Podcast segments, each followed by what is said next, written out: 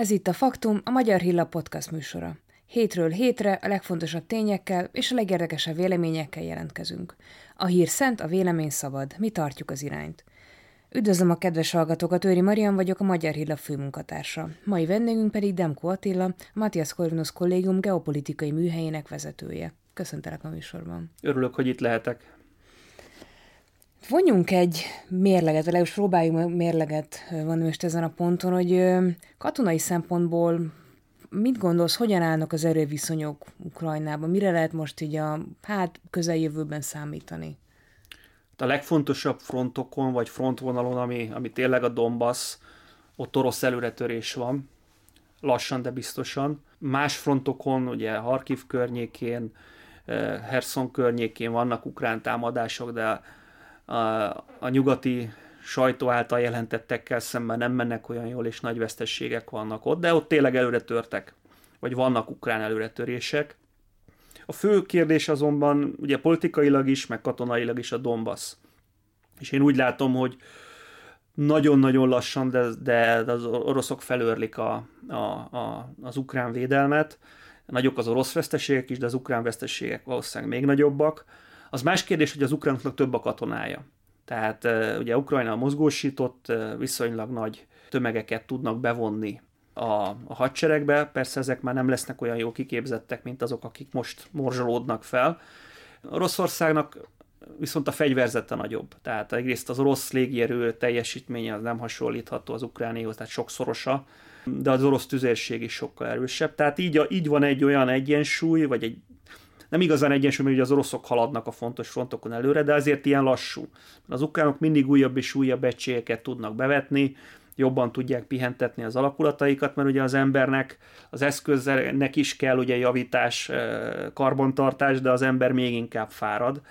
És ebben, ebben az ukránok valamivel talán jobban állnak, de hát mondom, ott is írtozatosan nagyok a vesztességek, ugye ukránoknál sok a fogoly is, az oroszoknál ugye kevesebb, tehát azt mondják, hogy 7-8 ezer ukrán van már orosz fogságban, meg talán 500 orosz vagy orosz párti ukrán fogságban. Tehát ilyen értelemben azt mondhatnám, hogy hogy egy, van egy olyan állapot, amikor még mind a két félnek ereje van harcolni, de mind a kettő azért erősen leharcolt. Oroszország persze nem vetette be a teljes erejét, nem vetette be haditechnikailag se a teljes erejét, nem vetette be stratégiailag se, tehát úgy értem, hogy nem robbantott, nem, sem is tették meg a nyeperhidakat, illetve nem mozgósított. Tehát ilyen értelemben Oroszország félkézzel harcol, és félkézzel hát győz, de nagyon lassan, nagyon-nagyon lassan, és nem látjuk persze azt, hogy ez az egyensúly hogyan változik, ha nagyobb mennyiségű nyugati fegyver érkezik be. Ha már nyugati fegyverek, meddig hajlandó vajon a nyugat elmenni abban, hogy Ukrajnát segítse pénzzel, fegyverrel? Hát ez az óriási kérdés, hogy meddig. Mert ugye most szó van arról, hogy, hogy mennyi tüzérségi eszközt kapnak az ukránok, de ha megnézzük mondjuk a legfejlettebbek közül, mondjuk mennyi HIMARS megy be, az négy darab. Tehát eh, egy ilyen, ilyen eh, háborúban ez nem egy mennyiség. Persze kaptak, meg kapnak fontos eszközöket, főleg ugye a páncélelhárítás meg a tüzérség terén, de nem biztos, hogy harckocsikat, komoly harckocsikat fognak kapni. Ugye T-72-eseket kaptak lengyel, cseh, eh, szlovák eh, forrásból. Ugye a pénz a nagy kérdés persze, mert még a fegyver egy dolog, konkrétan mennyit adnak Ukrajnának ahhoz, hogy túlélje hónapról hónapra túléljen, hogy tudják fizetni az embereket, mert ugye az ukrán bevételek nagyon nagy mértékben csökkentek, az állami bevételek, ez egy óriási kérdés. Én, én, én szkeptikus vagyok abban, hogy a nyugati országok évről évre mondjuk 50-60-70 milliárd dollárral támogatnák meg Ukrajnát csak ahhoz, hogy a felszínen maradjon, tehát ez még nem az újjáépítés. Tehát lehet, hogy beüt egy Ukrajna fáradtság, és amikor, amikor mondjuk a x hónap lesz ilyen magas benzinárak mellett, ilyen magas energiaárak mellett, akkor már a nyugat is fáradtabb lesz. Tehát az abszolút benne van a képben. Itt érdemes talán ugye külön választani, hogy milyen az Egyesült Államok hozzáállása, és milyen európai, ugye az amiről is ugye környező országok és nyugat-európai. De most az Egyesült Államokat nézzük, ők azért elég nagy, nagy ígéreteket tettek Ukrajnának. Nyilván ugye egy olyan helyzetből, hogy ők azért elég messze vannak konkrétan azért az eseményektől. Az Egyesült Államoktól mire lehet itt számítani, milyen ö, szempontjaik vannak? Az e- Egyesült Államok mondjuk így, hogy könnyen beszél ebben a konfliktusban, mert egy másik kontinensen van, és nem érinti közvetlenül sem a menekült válság, és sokkal közvetettebben érinti az energiaválság is, mert energiaexportőr, olaj és, olaj és gázexportőr. Tehát ilyen értelemben tényleg könnyebben beszél az USA, persze a legtöbbet az amerikaiak adták fegyverben az ukránoknak, ez nem kérdés, nem is beszélve a hírszerzésről, egyebek. És milyen megfontolások vannak, ugye hát hogyha megnézzük, hogy mit mondott az amerikai védelmi miniszter, meg még jó páran, akkor megfontolás az is persze, hogy Oroszországot minél inkább e, leamortizálják, hogy ennyire csúnya szóval mondjam, tehát hogy az orosz veszteségek legyenek minél nagyobbak, Oroszország ne legyen hosszú távon ö, e, ö, e, hagyományos fenyegetés senkire, vagy legalább középtávon, nyilván hosszú, táv az, hosszú távon azért az oroszok újra tudnak építeni. Ez egyébként meg is történik, tehát az orosz veszteségek olyan méretűek már most, hogy, hogy azért ez sok időbe telik újraépíteni, főleg, főleg ugye a szárazföldi harceszközök terén, tehát a harckocsik terén, páncélozott szállító harcjárművek terén nagyon, nagyon nagyok az orosz veszteségek. Ez lehet egy megfontolás. Ugye az a probléma, hogy a diskurzusokban ugye úgy gondoljuk, hogy Amerikában van egy általános egységes vélemény, meg egy nagy terv, és az amerikaiak ezen nagy terv szerint mennek előre. Én azt gondolom, hogy nem egy nagy terv van, hanem több terv van arra, hogy merre menjen Amerika. Tehát nyilván vannak azok, akik tényleg azt szeretnék, hogy az oroszokat a földbe döngöljék, de vannak azok is, akik viszont szeretnék ugye Oroszországgal a, a kapcsolatok lehetőségét fenntartani, ugye Kínára tekintve a jövőben. Tehát én, én, én attól nagyon óvnék, hogy, hogy, hogy azt mondjuk, hogy Victoria Noland mondjuk az amerikai külpolitika, mert nem csak ő, ő is. Az, amit ő meg az általa képviselt vonal mond, az szerintem rendkívül szerencsétlen, és még Ukrajnának is rossz. Csak hogy, ez, csak hogy aki, nem, tehát aki nem volt ott, meg nem látta be, valamennyire belülről Washingtont, és nekem volt szerencsém azért ehhez, hogy lássam, ilyen kint, kint is tanultam, meg, meg nagyon sokszor voltam, meg nagyon sok emberre beszéltem, nagyon sok vélemény van. Tehát azt mondani, hogy az amerikai külpolitikának egy irány, irányközpontja van, mondjuk nullandféle, mm. ilyen gyakorlatilag neokonzervatívok, ők is ott vannak, ma is, ugye, és ez a vonal felelős nagyon-nagyon sok rossz lépésére, de nem csak ők vannak Amerikában. Tehát ezért, ezért mondanám azt, hogy én nem tudom, hogy most melyik vonal a legerősebb, valószínűleg küzdenek ezek egymással, és látható, hogy Ukrajna nem kap meg mindent, amit kér. És nem csak az oroszok miatt nem kap meg mindent, amit kér, hanem Amerikán belül is van olyan, hogy inkább egyezzünk ki. Az oroszok már elfáradtak, megbüntettük őket, legyen egy kiegyezési lehetőség. Ugye Kissinger ugye nem a politika közvetlen része már 90 akárhány évesen, de azért ő messze nincs egyedül. És az USA-ban is, hogyha megnézzük az elmúlt egy pár évet, ugye nem a háborús időszakot, azért volt, aki kimondta, ami szerintem teljesen nyilvánvaló, hogy nem lehet amerikai érdek Oroszországnak a teljes elidegenítése, mert akkor Kína, teljesen Kína kezébe fogják lökni. Tehát nem igazán látom azt, hogy most hol van a, a napi dolgok menedzselésén túl az amerikai nagy stratégia, meg nagy politika, de higgyék el nekem a hallgatók, hogy sokszor még az Amerikai Egyesült Államok tekintetében is a terv az, hogy nincs terv. Tehát nem egy terv van, hanem sok terv, küzdenek egymással. Ugye például ugye nézzük az iraki háborút, és bocsánat, hogy ilyen hosszú a válasz, hogy ott a neokonok nyertek. Tehát az a csapat nyert, aki be akart menni Irakba, át akarta irányítani, ott teljesen lehetett látni, hogy egyféle út van, és katasztrófába is vitték az usa Irakban. Én nem látom azt, hogy teljesen egy, egy irány lenne most az amerikai Egyesült Államokban. Én azt látom, hogy azért vannak más irányok is. Vannak ugye olyan ö, értelmezések, hogy, hogy itt tulajdonképpen ugye egy proxy háború zajlik Oroszország és az USA között. Egyetértesz ezzel, és ha ez így van, akkor miért, miért éppen Ukrajnában játszák ezt le? Hát bizonyos értelemben persze zajlik proxy háború az USA között, de, de az a baj, nekem komoly bajaim vannak ezzel a megközelítéssel. Mert gyakorlatilag azt gondoljuk, hogy Ukrajnának nincs saját akarata.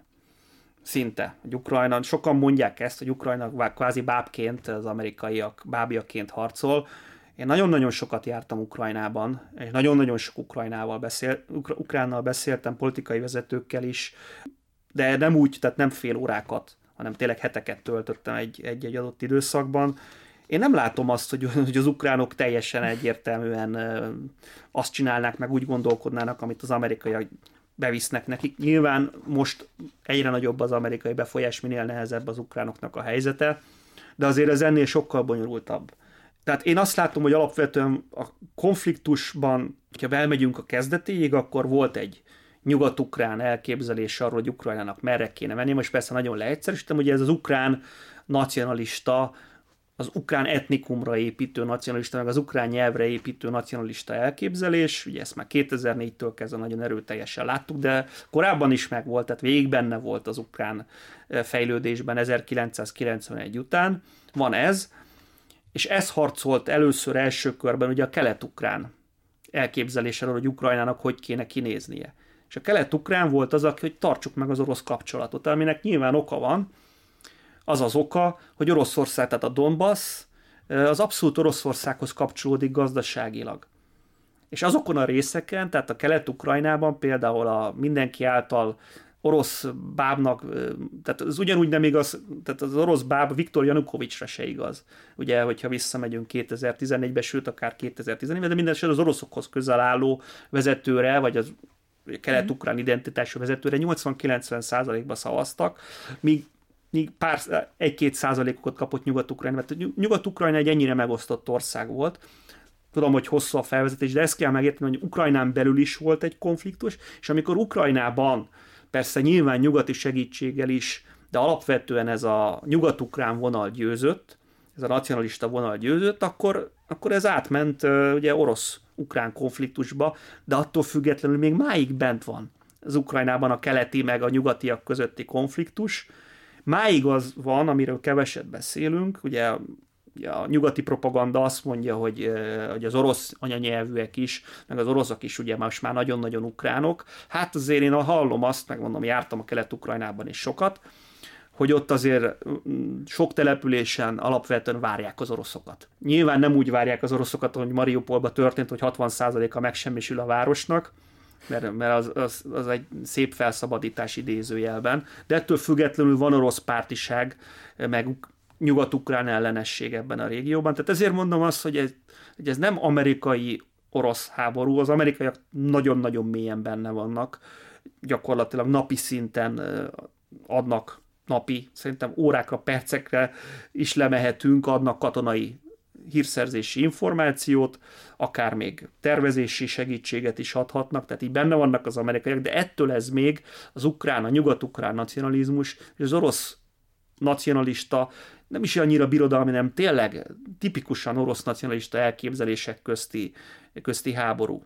Elsősorban. Aztán persze ráépül az amerikai orosz feszültség, az Európa hogyan épüljön föl, milyen hangot akar az Oroszország a világnak magában, tehát ezek, ezek is részt vesznek ebben. De a kérdésre a válasz az, hogy mi a legfontosabb konfliktus itt, akkor nem az amerikai-orosz konfliktus a magja ennek, de nyilván az amerikai-orosz konfliktus is egy nagyon-nagyon fontos rétege ennek az egésznek. Ezt miért mondom? Azért mondom, mert az oroszok elengedték például a Baltikumot, ugye a NATO csatlakozás meg az Igen. EU csatlakozás előtt.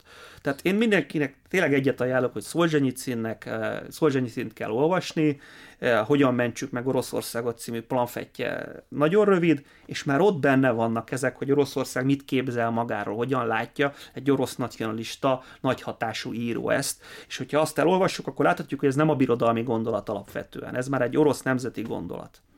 Igen, ez, ez mindenképpen, mindenképpen hasznos gondolat. Most itt a, mielőtt rátérnék Európára, hogy mi hol is vagyunk ebben a történetben, itt még egy kérdés ezzel kapcsolatban, hogy ha visszanézünk azért az eltelt hónapokra, ugye már a századik napon is túl vagyunk, mi most a reális cél Oroszország számára, Putyin számára? Mit lehet még itt elérni? Hát ugye Ukrajna 20%-a az, az orosz, az oroszoké jó, mondjuk a Krím meg a Donbass egy része már korábban is ez volt, tehát most nem 20%-ot szereztek meg, de egy jelentős területet megszereztek, e, ugye kész a szárazföldi híd a Krím felé, megszerezték a Krími csatornát, megszerezték Herszont, ami egy nagyon fontos város. Ahhoz, hogy ezt győzelemnek el lehessen adni, szerintem a Donbassnak a megszerzése már elég. Tehát nem kell Harkiv, meg Odessa se, meg Mikolajev se. Tehát a minimális cél, ugye, mint mindig van egy minimális, meg egy maximális cél, Mind a kettő módosult szerintem az első orosz verességek fényében, mert az oroszok nem teljesítettek túl jól. Most se egyébként, de, de már jobban, mint az elején. Tehát a minimális cél szerintem a Donbass. Tehát az, hogyha Luhansk és Donetsk oblast teljes területét nem szerzi meg Oroszország, az vereség. Oroszországnak és győzelem Ukrajnának. Tehát ezt nem fogadhatja Oroszország, ez a minimális.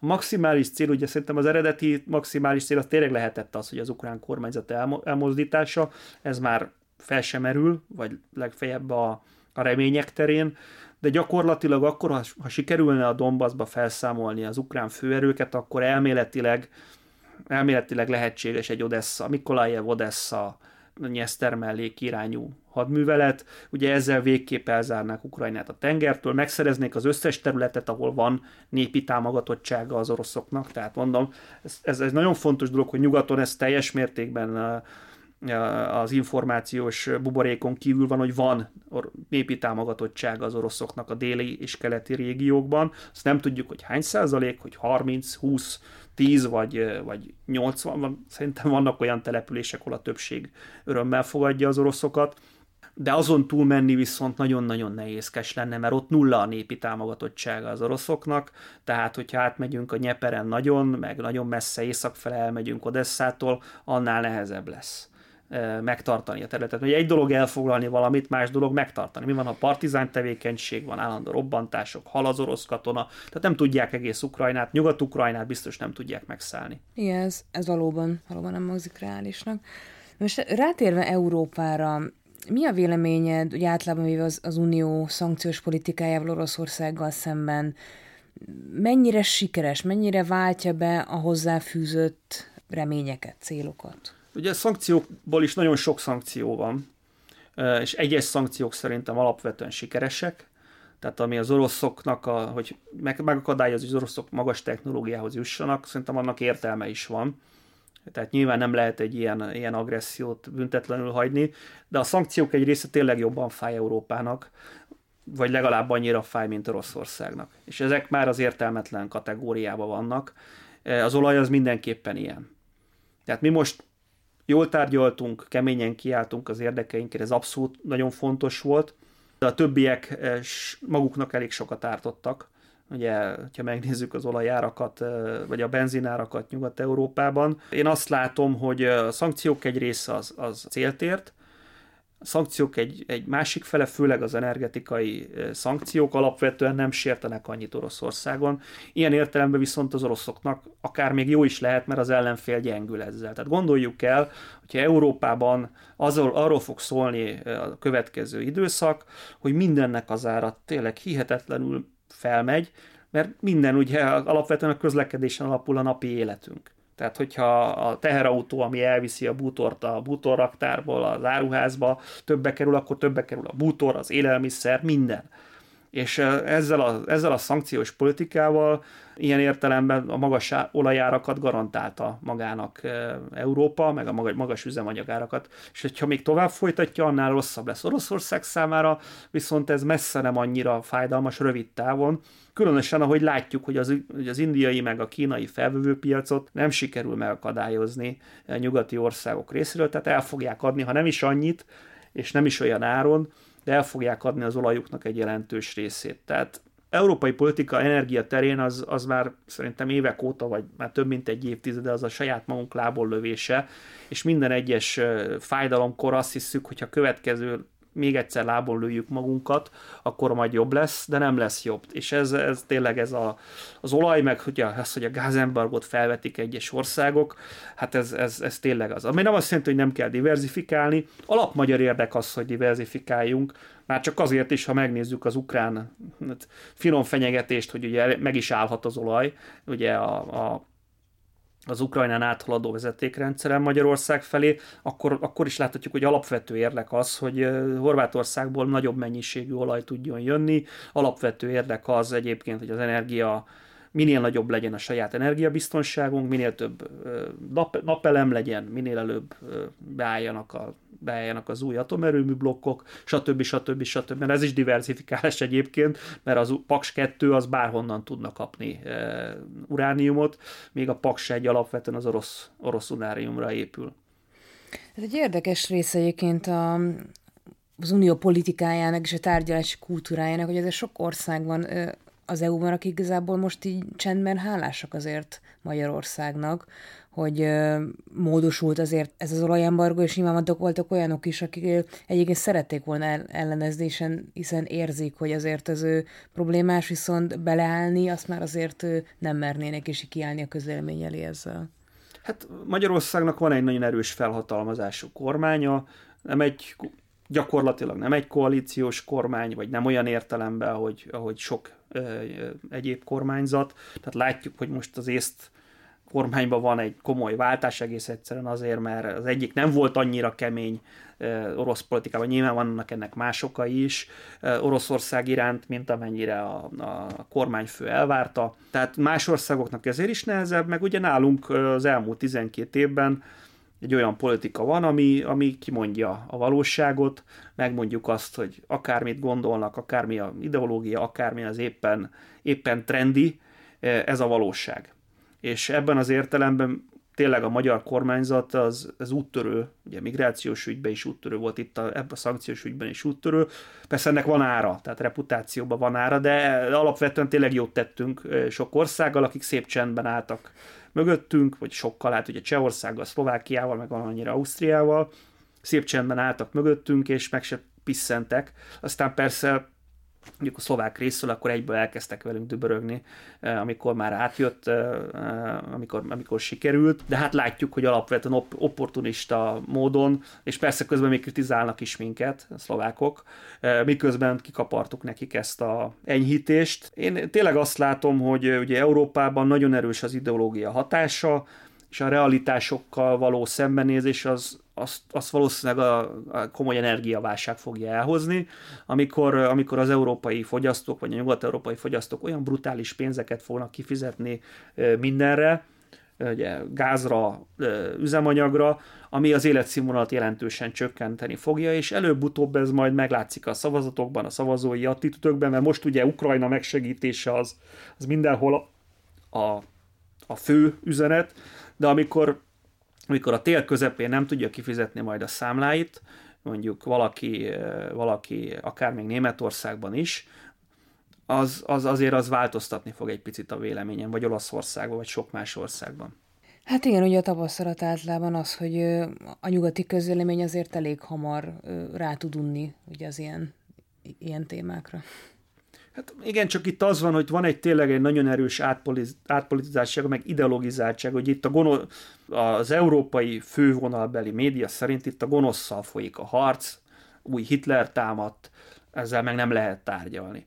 Na most szerintem párhuzam is, párhuzam se igaz, meg ha megnézzük, tehát még, még a második világháború előtti helyzetet is megnézzük, hát ez már nem, a, nem az a része a, lehet, hogy Németországot 36-ba, vagy 37-be, vagy 38-ba meg lehetett volna állítani, de még mondom, hogyha párhuzam állna is, már messze nem itt tartunk. Tehát ezt, ezt, ezt az Oroszországot teljesen visszanyomni nem lehet. Tehát ilyen értelemben is teljes, nagyon fals az a nyugat-európai fősodorbeli vélemény, ami megy, mert mert azon már túl vagyunk. Tehát itt egy atomhatalommal kell előbb-utóbb, akár tetszik, akár nem, valamilyen szintű megegyezésre jutnia magának Kievnek, illetve Európának, meg Amerikának is, mert nem lehet tovább folytatni ezt a háborút egy bizonyos szinten túl. Igen, látjuk ennek a jeleit, ugye Macron már beszélt is arról, hogy mindenképpen tárgyalni kell, kapott is érte persze Kievből. Hát azt hiszem, nagyon sokáig tudnánk még folytatni ezt a témát, de sajnos már ennyi volt a faktum. Köszönjük Demko Attilának, hogy itt volt velünk. Köszönöm szépen. És köszönjük a hallgatóknak, és a figyelmet tartsanak velünk a legközelebb is. És ne felejtjék, a Faktum a honlapunk mellett elérhető a SoundCloud, a YouTube, a Spotify, a Deezer, az Apple Podcastok, a Google Podcastok és a Simplecast felületein is. A viszont hallásra.